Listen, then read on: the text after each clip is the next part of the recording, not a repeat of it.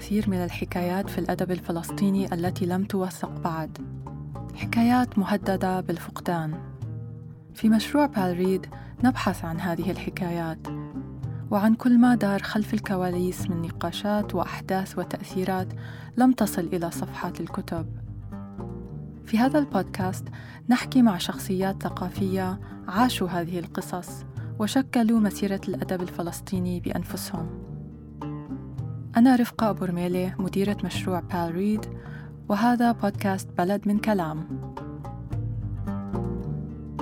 نحكي اليوم مع الفنان عبد عابدي ونستمع إلى تجربته كأحد أهم الرسامين والمصممين في الداخل الفلسطيني من خلال ما قدمه من أغلفة ورسومات في جريدة الاتحاد ومجلة الجديد وكتب لكتاب مثل سميح القاسم، إيميل حبيبي، سلمان ناطور وتوفيق فياض.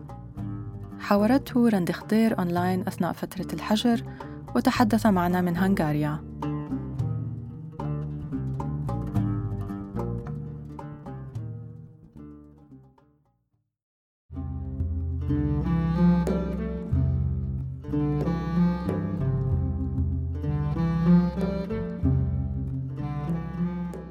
سنبدأ يعني من محطة كانت مهمة ومفصلية في حياتك. من ألمانيا؟ سؤالي لك في البداية يعني تنقلت في إلى مناطق مختلفة ولجأت إلى مناطق مختلفة أيضا وفي فترة معينة في حياتك قررت أنك تريد دراسة الفن على نحو احترافي في ألمانيا كيف أخذت هذا القرار؟ إيه، في الواقع يعني إيه، يجب أن يعني نرجع إلى الوراء قليلا لأنه إيه، أنا ولدت في حيفا في العام 1942 وعايشت النكبة في العام 48 وكنت طبعا ضمن النازحين والنازحات إلى مخيمات اللجوء في جنوب لبنان ومن ثم إلى مخيم الكارانتينا الآن اللي اصابوا ما أصابه من ويلات. وفيما بعد بعد سنة ونصف التجأنا إلى سوريا إلى دمشق وهكذا بعد ما تبقى أو بعدما بقى والدي في حيفا وحيدا دون العائلة آه، فكان بالاستطاع آه، أو بالمستطاع أن يعني نرجع إلى آه، حيفا ضمن ما يسمى في ذلك الوقت شمل العائلات. الآن بالنسبة إلى موضوع الفن والإبداع في العام 1956 تبين لي عندما كنت فتى بأنه ميولي البصرية هي يعني فائقة وهي آه، يعني آه، تشكل نوعية خاصة آه، في محيط مهزوم محيط فلسطيني مهزوم في مدينته التي يعني احتلت من قبل أشخاص آخرين. فأنا بتذكر أتذكر تماما بأنه التجأت إلى إلى هذه المدرسة المسائية وطلبت الالتحاق في هذه المدرسة. وتبين لي وكان عمري بفكر يمكن حوالي 17 سنة 16 سنة.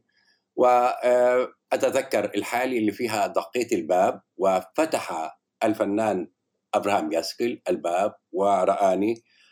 آه، طلب معرفة ما آه، ما يعني آه، ما أطلبه منه.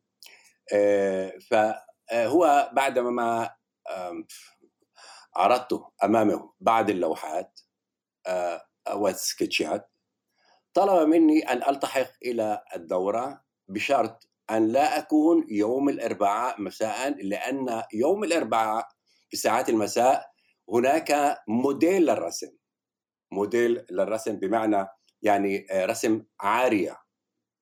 وأنا كنت في هذا الجيل ابن 17 عام. يعني نحن بنحكي ما بعد ال 48 يعني بال 54 56 طبعا هاي الفترة اللي فيها آه، يعني يدوب كما يقال يعني باللهجة العامي يعني يدوب المحصلات تكون بإنه انهيت الثانوية والمحصلات الأكثر تعقدا أو تعقيدا هو أن تكون آه، طالبا في الجامعة الإسرائيلية.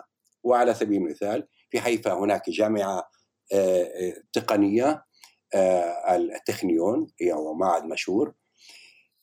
كان إشراك الطلاب العرب فيها مشروط بموافقة من الجهاز الأمني. يعني آه، كل آه، مجموعة يختاروا منها فقط تنين في دراسة الطب مثلا. يعني خريجي كلية الطب في في الجامعة العبرية بسنوات الستين كانوا اثنين أو ثلاثة.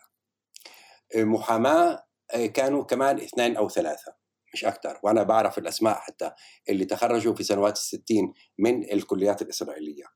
فكان بالحري من كلية علمية.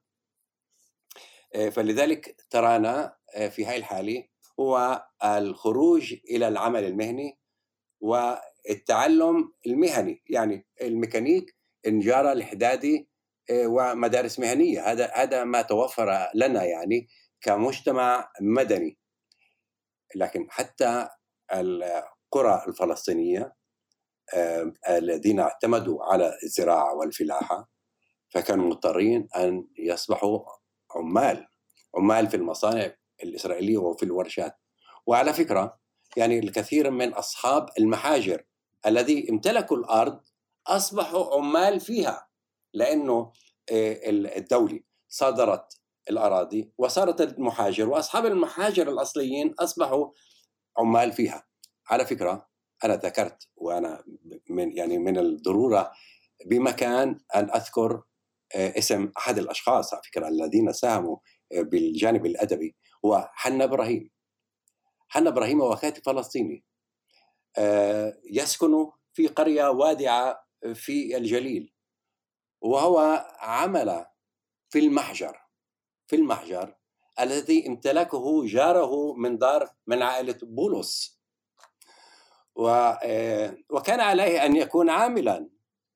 وهكذا كان. والحديث عن هذه الأجيال الذين يعني اخترقوا اخترقوا سياسة التجهيل سياسة العدمية القومية لكن الواقع هو هكذا. بأنه في ما تبقى من الفلسطينيين في داخل وطنهم في الداخل الفلسطيني أو فيما بعد في دولة إسرائيل عددهم كان حوالي 160 ألف ساكن. 160 ألف ساكن. من ال 160 ألف ساكن الموزعين في الجليل والنقب والمثلث الذين مارسوا الإبداع البصري هم ثلاثة فقط. يعني اثنين درسوا في كلية الفنون الجميلة في القدس الغربية وأنا الوحيد الذي بدأ بدراسته الأكاديمية في نهاية العام 1964 حيث يعني سافرت إلى ألمانيا الشرقية إلى مدينة دريسدن شو الدور اللي لعبه الحزب الشيوعي بهداك الوقت وكيف أثر على كل الدائرة الأدبية والثقافية؟ يعني لو ما كان الحزب الشيوعي في هذاك الوقت لكان مسارنا الثقافي الإبداعي يمكن في مسارات شوي تختلف أو كثير تختلف. ف وعلي بالحالة هذه للتذكير بأنه مرحلة الدراسات في الدول الاشتراكية بدأت من العام 74 وأنا كنت واحد من الأشخاص الأوائل الذي سافر إلى ألمانيا بمنحة بمنحة ويعني حتى القراء يكونوا شاهدين على ما أقوله بمنحة من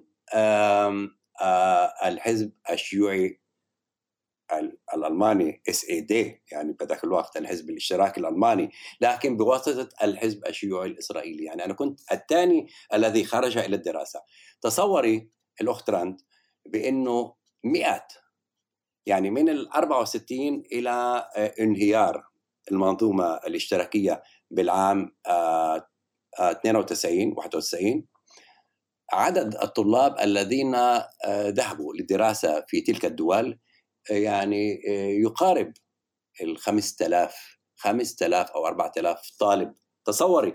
عدد هائل عمليا من الذين ذهبوا للدراسة عن طريق الحزب الشيوعي. في ذلك الوقت. يعني صحيح إنه أقلية فلسطينية بقت فيها لكن هاي الأقلية بدأت يعني تستعيد نوعا ما تستعيد عافيتها. وبداية نشوء حركة أدبية ثقافية. وهاي الحركة الثقافية نشأت في ظروف مبادرة من الحزب الشيوعي. الفلسطيني الإسرائيلي فيما بعد.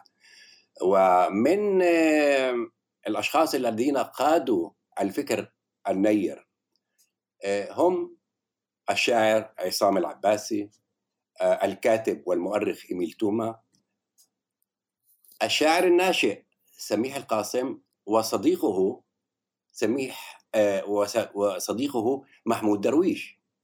محمود درويش عاش في حيفا بسنوات الستين من القرن الماضي وأنشأ مع سميح القاسم والشاعر عصام العباسي مدرسة فنية ثقافية أدبية بحيث أنه ما يعني المقر الذي يعني كان موجود في حيز الحزب الشيوعي. الذي كان سابقا الحزب الشيوعي الفلسطيني فيما بعد الحزب الشيوعي المشترك اليهودي العربي. وأنا أتذكر تماما اللقاءات الاسبوعيه والمهرجانات الشعرية. يعني لأول مرة في فلسطين كان يعقد مهرجان شعري أو مهرجان شعر إن كان في حيفا وإن كان في في الناصرة وإن كان في عكا. حدثنا عن هذا عن هذه اللقاءات. من كان يك... من يحضر فيها؟ هل كنت تروح أنت فيها أو لا؟ وين كانت تصير؟ خذنا معك إلى هناك يعني في رحلة إلى أحد هذه اللقاءات. في حيفا. في الحي الذي يعني أجبر ما تبقى من عرب حيفا اللجوء إليه. هو يعني هي حارة. طبعا راح نحكي عن الحارة الحبيبة حارة وادي النسناس. لكن هذا الحي هو كان مقر. لوجود الصحيفة الشيوعية الأولى. صحيفة الاتحاد. وهي موجودة كانت يعني مطابع الجريدة وهيئة التحرير موجودة في وادي النسناس. ولذلك تواجد عدد جيد من الأدباء والشعراء وكما ذكرت منهم إيميل توما وصليب خميس والمفكر جبر النقولة والقائد السياسي توفيق طوبي الذي سكن يعني بعيدا عن مقر مقر الحزب حوالي يمكن 150 متر وأنا كنت قريب على مقر الحزب الشيوعي ببعد حوالي كمان 200 متر إن ما كان أقل. يعني هذا المقر هو كان بداية هو مقر لهيئه التحرير في جريدة الاتحاد ومن ثم يعني في المساء أصبح مقر ثقافي يعني يأتون إليه.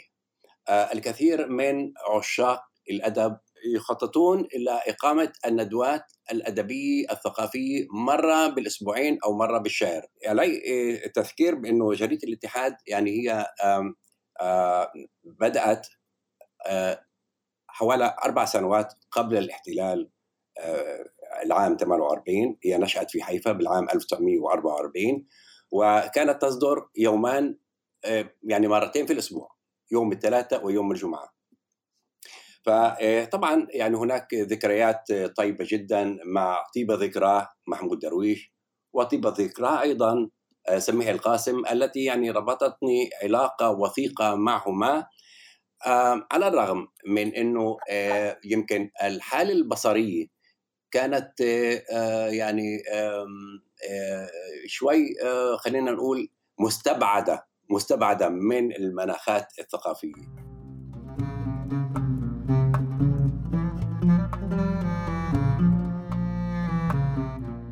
ننتقل الآن إلى القسم يعني وهو اختيار نص تقرأه علينا، أنت اخترت يعني طلبنا منك أن تختار نص قريب من قلبك. تحكي لنا عن النص أمامي كتاب خواطر زمنية لشقيقي ديب عابدي وأنا كنت حابب يعني أن أقرأ بعض الصفحات أو المقدمة. والمقدمة اللي أنا كتبتها لكتابه هي في ليلة الثاني عشر من نيسان 1992 وفي مستشفى الحكومي رمبم وفي مستشفى الحكومي رمبم بحيفا فارق أخي ديب الروح بعد نزاع مرير مع المرض الذي أصابه وهو في عنفوان الاجتهاد والعطاء. لقد تمنى قبل وفاته وفي المدة التي تنقل بها أثناء مرضه بين بيته الكائن على سفح الجبل والمستشفى الحكومي الواقع على حافة شاطئ الكرمل أن يسجل خواطره الزمنية التي عاشها امتدادا من ساحل البحر ومن المكان الذي ولد فيه في 10 أغسطس 1938 في المستشفى الحكومي وفيه أيضا أنهت الحياة مشواره. وما الخواطر الزمنية الذي تحتويه مادة الكتاب سوى تسجيلات خطها طيب الذكر عبر طريق الآلام الذي مررنا فيه ابتداء من شهر نيسان 1948 وحتى نيسان 1951 وحين رحيلنا عن الوطن وعن حيفا والعودة إليه. وتستمر تلك التسجيلات في المرحلة الثانية حيث اكتشاف الهول الذي حل فينا وما أصابنا من كوارث وما آلت إليه مسببات العجز والإحباط في نكسة شعبه وبضمنهم أفراد العائلات الحفوية المهجرة في أرض الله الواسعة. لقد واكبت كل ما خطه أخي من خواطر وشاركت في التعبير الوجداني وفي تحويل الكلمات إلى خطوط ومساحات لونية رسمتها على فضاء الورقة واللوحة. وبدايتي كانت بداياته الأدبية وهي كما تبدو مكتسبة من جدنا نايف الحاج ذكرت اسمه طبعا اللي هو أخوه لعبد الرحمن الحاج رئيس بلدية حيفا. آه الذي تمتع بخيال واسع وقدرة هائلة لساحرية الكلمة وجمالية الخط بالرسم. لقد افترقت عن أخي. ديب ولمدة سبع سنوات قضيتها في ألمانيا لإتمام تحصيلي الفني فيما بقى هو يبني بكده وبنشاطه المتفاني لأجل بناء مستقبله ومستقبل عائلته الكريمة. وفي هذه الفترة من حياته كتب قصصه التي عايشها وأحب شخوصها إنها تسجيلات بصرية شفافة الرؤية والحساسية كما في قصته الشيخ بدر وعائشة التي أحب اسمها وأسماها تيمنا عيوش. وقصته عنتر وقصة السيدة صاحبة الكلب وجميعها صرخات الضمير الملتهب والمستيقظ لما آلت إليه أوضاعنا في تلك السنوات من العمر. كثيرة هي المرات التي ردد فيها كلمات الشاعر التركي المهجر عن وطنه شاعر الشغيلة والغلابة وصلابة الموقف والرجولة ناظم حكمة إن لم تحترق أنت وتح وأحترق أنا فكيف سيخرج من الظلمات النور؟ في ليلته الثاني الثاني عشر من نيسان 1992 وساعات قليلة قبل وداعه الدنيا في حسرة قال وهو لا يصدق أن الموت يعاجله. ما هذه الجرثومة التي تأبى الخروج من جسمي؟ دقيقتان يهمله الموت لمراجعة صور الماضي وشخوص الأحباء الأحباء. الأوفياء الذين لازموه فراشه وثوان عابرة تبقى قبل إنزال الستارة على عالم مليء بالشخوص والكائنات وألوان زاهية وقاتمه عالم احبه فقيدنا وأحببناه نحن جميعا لتكن ذكراه عاطرة وخالدة. هل كان نشيط في الوسط الأدبي نعم. وهل كان له إصدارات مختلفة؟ هو يعني كان مشجع للادب ولسماع الأدب وكان مثل ما ذكرت في بداية حديثنا وكان صديق حميم إلى محمود درويش أكثر من علاقة محمود درويش معي. آه، آه، وله علاقات طيبة جدا ويعني آه، جيد أن نذكر إنه علاقته كانت مع شاعر فلسطيني اسمه عصام العباسي. وعصام العباسي على فكرة كمان جاء ذكره أقل من ذكر الأدباء والشعراء الآخرين مع إنه هو من الأوائل من الأوائل الذين آه، تغاطوا مع الشعر آه، والقصيدة قبل مجيء محمود درويش وسميح القاسم إلى حيفا. آه، فلذلك يعني ديب عابدي هو انوجد في هذه البيئة في بيئة, بيئة من المثقفين الذين يعني يعني يتطلعون إلى خلق عالم جديد من خلال المحاكاة من خلال محاكاة الأدباء الآتين من الجليل. بس منيح التذكير على فكرة إنه آه، القصص القصيرة يعني التي آه، نشرت هي نشرت آه، في مراحل مختلفة من مجلة الجديد ومجلة الغد وجريدة الاتحاد. ولذلك بعد وفاته بشهر أو شهرين يعني استطعنا تجميع بعض ما جاء في تلك الحلقات في في سوق أو في سياق كتاب. لا بالأساس يعني هو ما كان عنده الإمكانية على فكرة إنه يعني ينشر الكتب لأنه هو هو ذكر في مقطع صغير بعد رجوعنا من الغربة. وهو يعني وضع نفسه بتساؤلات إنه نحن تعبنا وتعبنا من السفر وتعبنا من مشاق اللجوء ويعني يجب علينا أن نبني حياتنا من جديد. وهكذا يعني قال في مقطع من المقاطع بإنه يعني هو رجع لأجل بناء عائلته. و يعني تصميمه كان إنه يعني الجيل اللي كان بده إنه يخلق يخلق يعني يخلق معاه رؤية جديدة تختلف عن تلك التي عاشها هو وأنا وآخرين.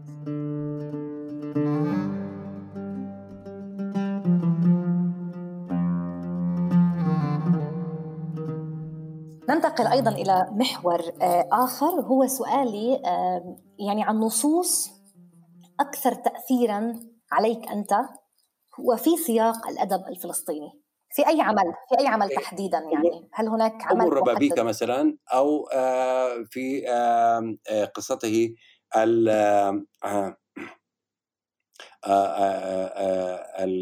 الغجري أو النوري النوري.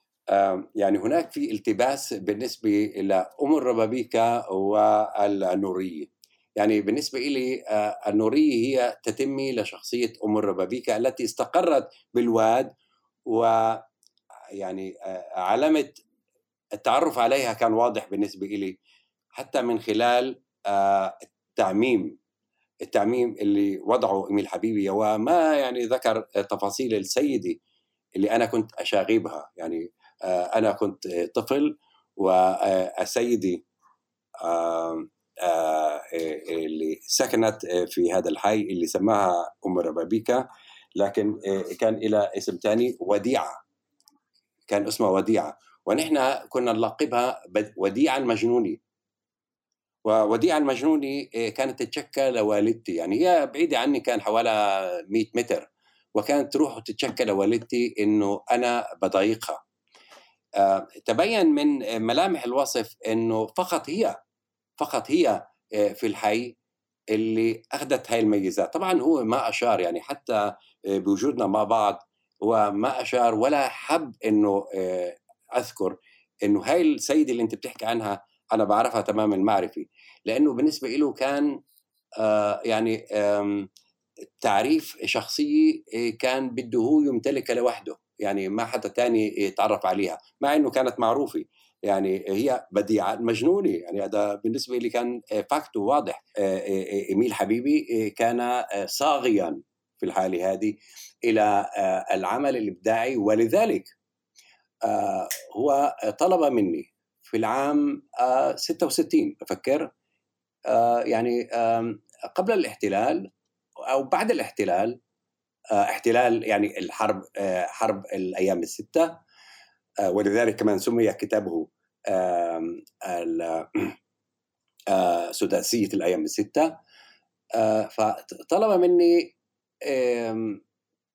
يعني تخطيط تخطيط لغلاف كتابه. وبنفس الوقت طبعا الالستريشن أو الرسومات الداخلية من أعمالي. آه، في إحدى حواراتك ذكرت أن إميل حبيب كان قد استشارك في أمر قبوله لجائزة إسرائيل في الأدب كيف كان هذاك الحوار؟ كيف كيف الحوار دار بينكم بهداك اليوم؟ وإنت شو نصحته؟ شو كانت النصيحة؟ آه على فكرة بمراجعة كتاب أخي طيب ذكراه ديب عبدي في كتابه آه آه خواطر زمنية آه هناك رسائل متبادلة بين ديب وإميل آه، وبهذه الرسائل آه، يعني يطرح أخي ديب آه، تساؤلات حول خروج إيميل حبيبي من الصف يعني من من الكادر العام من الرأي العام.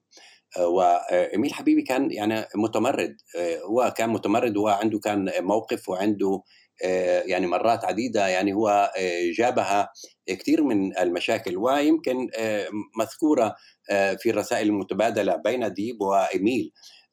في كتابه في كتاب خواطر زمنية.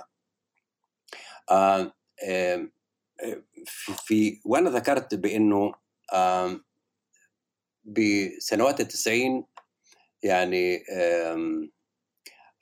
أصبحنا في وضع إنه نصبح جيران جيران في المرسم وجيران في أملاك الطائفه الانجيليه في حيفا.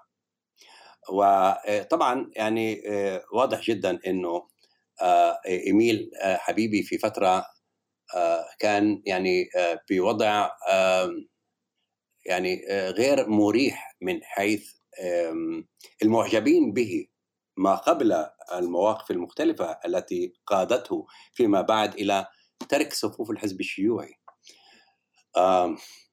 فلذلك يعني كان في جفا ويعني صادف الحظ بأنه غرفته كانت محاذية إلى غرفتي أو إلى مرسمي يعني الاستوديو و بهاي الحالة يعني نحن كنا بعلاقات كثير يعني محدودة.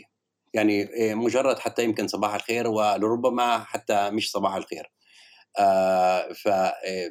فيما بعد بعد يمكن وجوده ثلاث سنوات في الغرفة المعزولة وأنا في غرفة المعزول. يعني يوم من الأيام طرق الباب وعنده كان صوت صوت جهوري صوت يعني باس.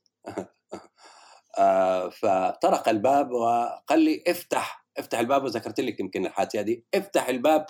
وطبعا ذكر بأنه نحن يعني بالإضافة إنه نحن حيفويين المنشأ وإنه يعني لابد بأنه نتصافى. وطرح علي السؤال بالنسبة لموضوع جائزة إسرائيل. أنا يعني قد أكون في مرات عديدة يعني حائر أمام مواقف مختلفة. يعني نحن كأقلية فلسطينية يعني أصبحنا في وضع غير مهزوزين كما كنا الآن نحن قوة صاعدة أنت أخذتني أخذتني إلى لحظة زمنية مهمة طرق الباب وقال نعم. بصوته الجهوري طرح هذا السؤال ماذا أجبت حينها؟ يعني رغم كل هذه نعم. يعني هو يعني كان الحيرة. هو يعني في كثير من الحالات هو كان عفوي يعني يعني شخصيته كانت عفوية ويعني بملامح وجهه قد يبدو عابسا قد يبدو غاضبا قد يبدو ناقما. لكنه في هاي الحالة كان ودودا على الرغم من أنه صوته كان كونتراباس يعني صوته كان كتير خميل. فيه فيه حرقة فيه فيه نوع من الصدأ. ف أوكي. فبعدما طلب مني بإنه يعني أبادله الرأي حول قبول الجائزة أو لا. كمان مرة أنا يعني بهاي الحالة بعتقد إنه أنا تساءلت وتساءلت بنفسي يعني كيف ممكن تكون الحالة معي أيضا. لكن يعني بالنتيجة أنا طبعا يعني مش غضبان إنه هو حصل على جائزة دوله إسرائيل. كمواطن كمواطنين اللي بنشكل 22% وبندفع الضرائب. وعلينا إنه بفكر بهاي الحالة نوع من التحدي.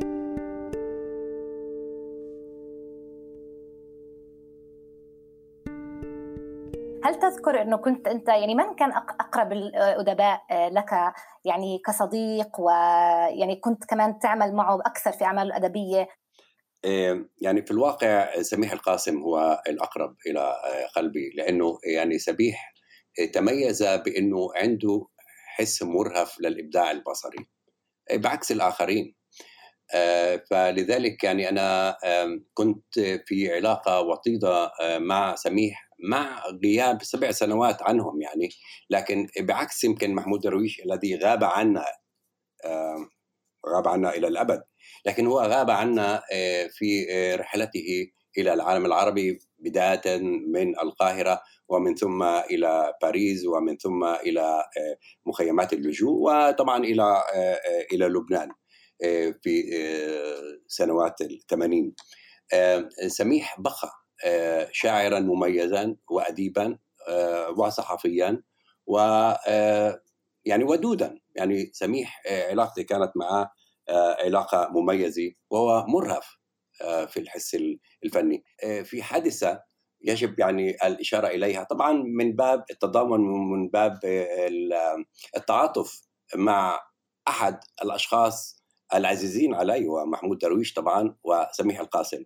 لكن يعني يقال عن محمود درويش بأنه هو كان يعني يتمتع بنوع من النرجسية. فكان إن أعلن عن إقامة مهرجان شعري سيتكلم هو فيه فكان يغيب في مقهى قريب وأعتقد إنه اسم المقهى كان فينيسيا. وهو يعني بعيد عن المقر حوالي 300 متر. في تلك الأيام طبعا لم يكن السكايب ولم يكن التليفون ولم يكن أي شيء آخر. فهو كان يجلس ويحتسي أعتقد إنه لم يشرب البيرة بل أعتقد كما شربت أنا يعني نبيذ إيطالي وكان يرسل عشاقه أو يعني المعجبين به به إلى المكان حتى يعني يستفسر كم عدد القادمون إلى القاعة. وهكذا كانوا يعني يبشروه. يعني ينزلوا 300 متر ويرجعوا أكثر يمكن 400 متر 500 متر ويرجعوا يقولوا له محمود القاعة امتلأت. هكذا. يمكن يمكن أنا الوحيد في السيره الثقافيه الادبيه اللي يعني أعلن عن هذا النبأ. هو طبعا يعني نبأ مهم في سيرة مبدع على فكرة. وأنا أقدر خالص التقدير طبعا هذا الموقف إنه هو يعني كان عليه أن يتعرف أو يعرف بأنه القاعة امتلأت. وحين تمتلئ القاعة فننتظر قدوم طيب ذكراه محمود درويش إلى القاعة وتبدأ طبعا يبدأ التصفيق يعني هاي الحالة هي حالة مثيرة في وضع اللي فيها الاقليه الفلسطينية. في الداخل الفلسطيني كانت يعني متعطشة متعطشة للإبداع ومتعطشة للمعرفة يذكر سميح القاسم أنه طلب منك في عام 1964 لوحة لغلاف ديوانه الثاني أغاني الدروب هذه كانت هل هذه كانت تجربتك الأولى في العمل على تصميم بصري لنص أدبي؟ وهل تذكر يعني هذا اليوم اللي طلب فيه سميح منك وكيف كانت هذه التجربة؟ أذكر بأن يعني اللقاءات بدأت بسنوات الستين ما قبل سفري إلى ألمانيا. وفي هذه الحالة طبعا ذكرت في السابق بانبهاري بنشوء يعني هذا النص الأدبي الثقافي المدهش الذي يعني بدأ يعني يهطل علينا من أدباء شباب. وأنا يعني كان حماسي شديدا عندما طلب مني سميح لوحة لغلافه ولذلك يعني أنا كنت بالحالة هذه كثير يعني في حالة الاعتزاز بأنه يعني هذا الرسام الذي يعني لم يشارك بالكلمة طلب منه أن يشارك بالكلمة المصورة. جريدة الاتحاد ومجلة الجديد. شو كان بالنسبة لك ولكمان للأدباء يعني قيمة الورقة المطبوعة؟ إنه أنت ترى الجريدة وصورك منثورة في المدينة يعني. بحب بس أذكر جمهورنا العزيز بإنه بعد رجوعي من ألمانيا بعد تواجدي في مدينة دريسدن لسبع سنوات يعني كنت أبحث عن عن عمل. ويعني كان الباب مرصود أمامي بحيث إنه يعني كنت أتوقع أن أن لا يعني يعني أقبل أو أقبل كمدرس للفنون لأنه بهذه الحالة التفرقة العنصرية ومجالات العمل كانت محدودة أمام المثقفين. فلذلك يعني تري بأنه أكثر الشعراء انضموا إلى هيئات أو كوادر تثقيفية للحزب الشيوعي الفلسطيني الإسرائيلي فيما بعد. فأنا طرحت هذا الموضوع هذا السؤال. لحين ما وراح نذكر طبعا طيبه ذكراه إيميل حبيبي بأنه هو أوصى بأن أكون سكرتير تحرير سكرتير سكرتير جريدي. وسكرتير جريدي يعني تتطلب عمل آخر. ومهنة أخرى يعني أنه تكون أنت انضباطي وتكون عامل في الأرشيف وعامل في المواصلات والأوراق والنقل من هيئة التحرير إلى إلى المطبعة. لحين ما يعني بدأوا يدركون في هيئة التحرير أنه في ضرورة لوجود على الأقل عامل عامل عامل اللي بيعمل بالمجال الجرافيكي. فلذلك بديت أعمل ك كفنان جرافيكي. يعني لموضوع تصميم الصحيفة تصميم عناوين الجريدة وإظهار الصفحة أكثر يعني لباقة وأكثر تقنيا. يعني بهاي الحالة علي يعني تذكير بأنه أنا بفترة من الفترات أصبحت كمان رسام كاريكاتير. وبالحاله هذه كان في ضرورة وأميل حبيبي كان كثير يعني شغف بأنه الجريدة تزين برسومات وإبداعات أخرى. ومرات يعني من أشخاص آخرين. يعني كنا نستعين بفنانين يهود لموضوع يتعلق بمظاهرة أول أيار العربية اليهودية المشتركة أو يوم المرأة العالمي. ف يعني قبلي كان في هناك يعني حاجة بأنه يستعينوا بفنانين تقدميين في داخل إسرائيل لتزيين الصحف الشيوعية بالعربي والعبري. إيميل حبيبي بهاي الحالة كان كثير يعني مميز بإنه هو أدرك جمالية الخط المرسوم. فكنا نستعين بخطات مع إنه أنا يعني أجيد كتابة الخط الجرافيكي لكن مش الخط النسخي ولا الخط الكوفي. لكن يعني سعيت بإنه أضيف إلى إلى الجريدة رونق من خطوط متجددة.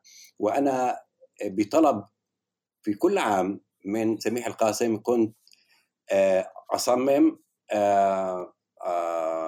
غلاف صفحة مجلة الجديد الادبيه فلذلك يعني أنا استعنت في هذا الموضوع حتى أدخل في عالم الكاريكاتير مع إنه أنا يعني ما هيأت نفسي إلى هذا الموضوع.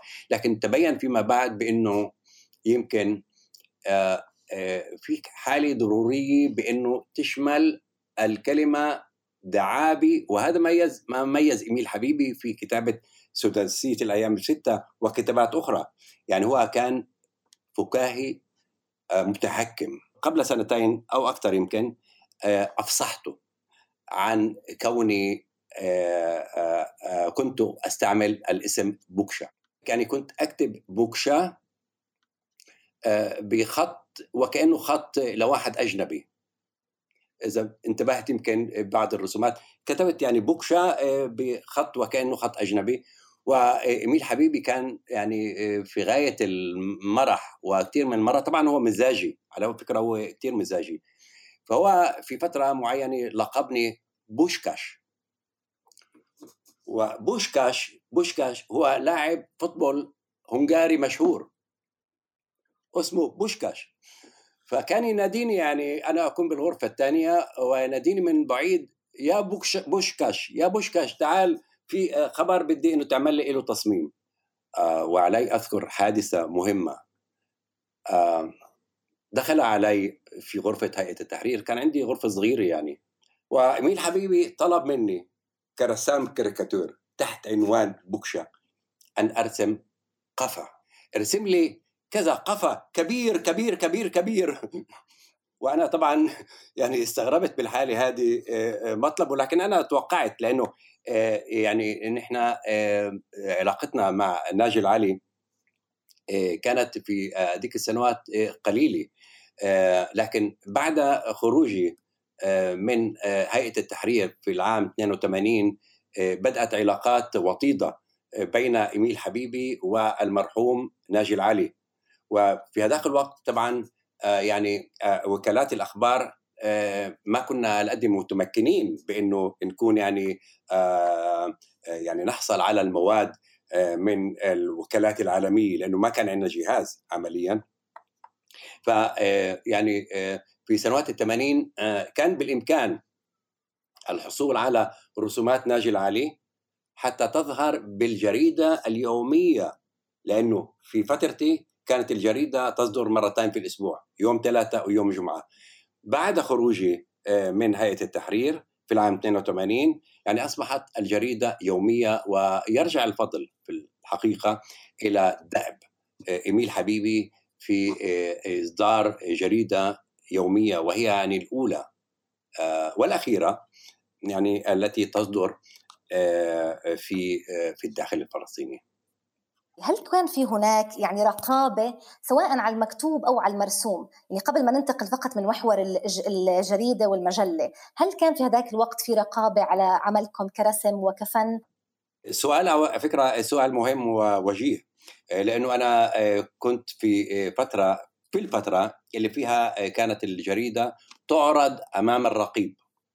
يعني الجريدة كانت تصدر مرتين بالأسبوع يوم الثلاثاء يوم الاثنين بساعات بعد الظهر. آه، كانت مواد الجريدة تنقل إلى المراقب آه، حتى يأخذ آه، تصريح بإصدار الجريدة في ذلك اليوم. والكثير من عناوين الجريدة كانت على صفحة بيضاء. يعني هناك كان في رقابة وطبعا كان يعني من الممنوع إنه تكتب إنه الرقابة حذفت لكن بيكفي إنه المقطع هو أبيض ويتبين للقارئ إنه الرقابة منعت هذا هذا الخبر أو هذا المقال. فطبعا إحنا في هاي الحالة عشنا هاي الظروف. آه، أنا بحب بس أذكر كمان نقطة مهمة بإنه بخروجي لألمانيا في العام 64 يعني بشهر نوفمبر كان علي آه، حين آه، وددت مغادرة الوطن بأن أرسل أعمالي الفنية لأنه أنا أخذت معي يعني شنطة أعمال. فأنا آه، حتى أنقل أعمالي لأنه أنا سافرت في ذلك الوقت بواسطة ميناء حيفا. يعني من ميناء حيفا إلى إلى اليونان إلى شواطئ اثينا بيروس وكان علي أن أرسل شنطة إلى المراقب. وهناك يعني في دمغة دمغة مطمورة على الشنطة بأنه مراقب يعني هذا العمل مراقب. وحين وصلت بيروس يعني كانت الشنطة مغلقة بالتمام. وحين وصلت بيروس كان علي أنه أفتح الشنطة على الأقل. وأنا بعدني في رهبة الملاحقة بأنه الشنطة يجب أن تكون مغلقة لحين وصولي إلى ألمانيا. فقلت أنا باليونان ببيروس بفتحها. وقمت الشمع يعني قيمه الشمع عنها. في السبعينيات تعاملت مع المخرج رياض مصاروة على تصميم ملصق والديكور المسرحي لمسرحية رجال في الشمس. كيف كان هذا العمل على, على هذا فكرة المشروع؟ يعني ليس فقط ليس فقط الملصق إنما الديكور. آه فأنا آه، يعني نفذت الديكور آه، لرجال في الشمس وصممت بعد رجوعي من ألمانيا آه، للكثير من الأعمال المسرحية آه، ابتداء من مسرح الناهض في حيفا بإشراف زميلي وابن آه، حارتي أديب جحشان. وبالإضافة آه، طبعا لمخرجين شباب اللي يعني الظاهرة المسرحية برزت بسنوات السبعين بشكل مهني أكثر مما كان عليه في الماضي. فلذلك يعني أنا يعني أشهد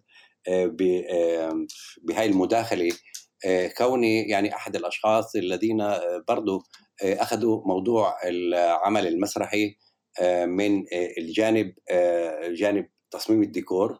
لأنه أنا بخلال فترة دراستي بدريسدن يعني كان عندي اهتمامات. كان عندي اهتمامات بالنحت وكان عندي اهتمامات برضه بتصميم الديكور. وكنت صديق للمخرج أو البروفيسور الألماني آه، أفكر اسمه آه، آه، ريتشارد يمكن اللي كان كثير يشجعني مع انه أنا يعني القسم اللي درست فيه هو جرافيكا ورسوم حائط. لكن يعني علاقتي الشخصية كانت مع البروفيسور ومع زميلات. زميلات في هذا القسم فاستطعت إنه يعني أكون لنفسي نقول اتجاه أدبي حملته معي حين رجوعي إلى البلاد على أمل بإنه لابد إنه المسرح بحاجة إلى ديكور بحاجة إلى تصميم ملابس وبحاجة إلى كثير من من الأمور ولذلك يعني تريني في هذه الحالة شخص اللي يعني عملت بمجالات عديدة. كذلك بالنحو جميل. آه قبل الخروج من آه، جزئية المسرح في عام 2015 انتخبت رئيسا لمسرح الميدان في حيفا. كيف كان دورك بهاي الفترة وتجربتك يعني في مسرح آه، الميدان؟ مسرح الميدان والمسرح الأول الذي أقيم ب يعني بموافقة من وزارة الثقافة الإسرائيلية حينما كانت أو حين وجود وزيري من قبل حزب يساري اللي هي شولاميت ألوني. شولاميت ألوني كانت يعني تنتمي إلى التيار اليساري في في الأحزاب الصهيونية يساري تقدمي وهي أوصت بإقامة مسرح رسمي للجماهير العربية بمساندة من قسم الثقافي في وزارة الثقافة فلذلك أنا يعني كنت مبادر إلى آه، بالإضافة إلى وجودي عضو في المجلس آه، الثقافي لمسرح الميدان. فيما بعد في العام 2015 انتخبت آه، أن أكون رئيسا لجمعيه المسرح. ويعني دام هذا هذا الوضع إلى يعني 2018 حين يعني صعد إلى الحكم آه، اليمين المتطرف آه، ووزيره آه، كانت يعني تتعامل مع الوسط الفلسطيني في الداخل بشكل مهين فلذلك يعني يعني كانت هناك تجربة سيئة من خلال مؤامرات داخلية بداخل المسرح ومؤامرات يعني حبكها. آه، النظام السياسي الثقافي في إسرائيل ضد مسرح الميدان. وأنا آه، كنت رئيس المسرح لفتره بفكر آه، مرتين أو ثلاث مراحل. يعني طبعا هذا الوضع هو وضع سيء ووضع مأساوي. ويمكن يمكن القليل يدرك تماما قيمة هذا الوضع و هذا آه، العمل المشين بحق آه، المسرح وبحق آه، النهضة المسرحية. يعني لا يمكن أن يكون وضع كهذا بأنه 22% من سكان الدولة لا يملكون متحفا ولا يملكون مسرحا ولا يملكون جامعة. يعني كان من المفروض أنه أن تقام الجامعة في في الناصرة لأنه هناك عدد هائل من الكوادر كوادر المثقفين العرب وهذه الجماهير آه، بحاجة إلى إلى مسرح بحاجة إلى إلى كل المنشآت الثقافية التي يعني نفتخر إليها حتى اليوم.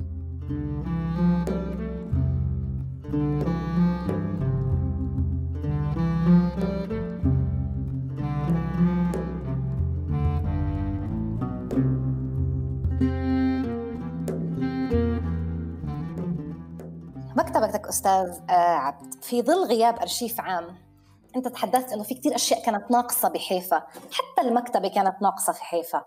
يعني آه، أجيال حتى هلأ صغيرة بتقول إنه إحنا يعني بس سافرنا شفنا مكاتب. لكن هذا السؤال تحديدا عن مكتبتك أنت الخاصة. في الواقع يعني أنا ذكرت في بداية حديثي عن هذا التشوق آه الذي عمر يعني آه فئات واسعة من الشباب المتحمس. يعني الشباب الحفاوي والشباب في كل مكان آه في الجليل وفي النقب آه، وفي المثلث آه، كان عنده شغف مثير للمعرفة للقراءة. ونحن آه، على فكرة جيد أن ننتبه إلى ظاهرة بأنه الكتب لم تصلنا من العالم العربي. يعني كانت تصلنا بشكل بشكل بالتسلل يعني كانوا يتسللوا يعني يجيبوا الكتب عن طريق جنين قسم منها أو عن طريق قبرص يمكن آه، أو عن طرق أخرى. هكذا تعرفنا أنا شخصيا وأخي ديب تعرفنا على آه، أدب العالم العربي وعلى آه، عبد الرحمن الشرقاوي مثلا في قصة الأرض. يعني هزنا هذا الموضوع. إضافة إلى ذلك هناك مكتبة التقدم التي كانت تصدر الكتب في موسكو أيام آه، الاشتراكية أيام الاشتراكية. وطبعا بما انه كانت علاقات آه، دبلوماسية وتواصل بين إسرائيل وروسيا فكان بالإمكان إرسال مجموعة من الكتب العالمية يعني تولستوي آه، وغوركي. وأهم المطبوعات الروسية كانت تصنع عن طريق يعني شركة النشر التقدم. وهكذا يعني تعرفنا على العالم العربي إيه، من خلال إيه، تلك المصادر إذا لديك كتب يعني متنوعة في اللغة العربية نعم. والألمانية، هل بتهتم ب... هل تهتم بكتب معينة؟ هل بالنسبة لك في إهداءات معينة أو في كتب يعني ما بتقدر تستغني عنها؟ هيك تاخذنا جولة أكثر في رفوف نعم المكتبة. يعني بالنسبة إلى كتبي أنا يعني عندي كثير من الإهداءات زملائي ويعني أنا توقعت بوقت اهدائهم الي الكتب إنه هني راح يكونوا آه عايشين معي لفترة مثل ما باليوم اللي اهدوني معناته إني كمان مستمرين. لكن تبين إنه كثير من الإهداءات لكتاب وأصدقاء آه يعني ترحلوا من هذا العالم. آه كمان إهداء إهداء طيبه ذكرى آه إيميل حبيبي. اقرأ لنا ما مكتوب يعني إلى آه، صديقي الفنان المجدد الذي شاركني في وضع هذا الكتاب. شكرا من القلب. إيميل. يعني هل هناك مشاريع مستقبلية للعمل على رسومات لنصوص أدبية أو إعادة نشر كتب قديمة كان فيها رسوماتك؟ حدثنا عن المستقبل يعني أنت شو بتفكر تعمل في المستقبل؟ أنا يعني بالواقع موجود آه، أمام آه، مهمة يعني بالنسبة لي كتير آه، آه، يعني آه، حادي وملزمه هو إنه يعني رسوماتي السابقة واعمالي الآن يجب أن تكون يعني مضمونة مضمونة في المتحف ومضمونة في المسكن ومضمونة بالمؤسسات المختلفة.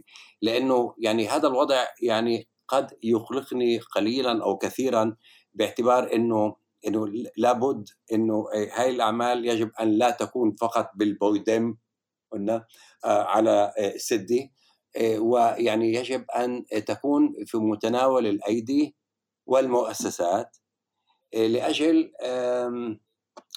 بناء متحف فلسطيني أو متحف اللي يجمع أعمال الفنانين بمختلف مجالاتهم.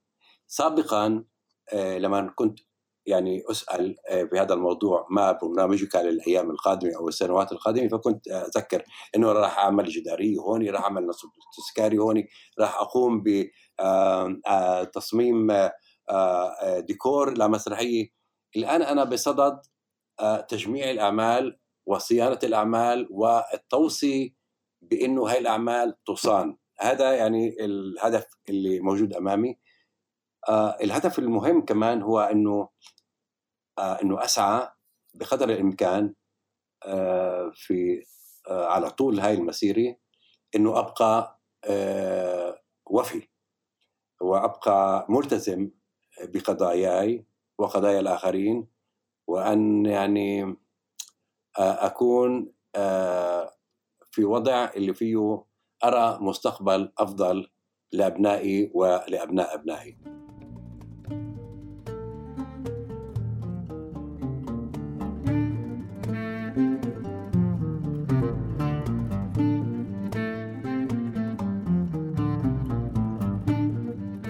شكرا عبد عابدي على هذه الرحلة في الداخل الفلسطيني منذ الستينيات وإلى اليوم. ولإعطائنا هذا السياق الذي يوضح الأثر الكبير لمطبوعات مثل الاتحاد والجديد. حاورته في حلقة اليوم رند خضير حلقة اليوم تم إنتاجها بالتعاون بين مشروع بالريد وشبكة صوت. إعداد إنتاج وتحرير إبراهيم عبدو وأنا رفقة أبو رميلة مقدمة بودكاست بلد من كلام. انتظرونا في الحلقة القادمة.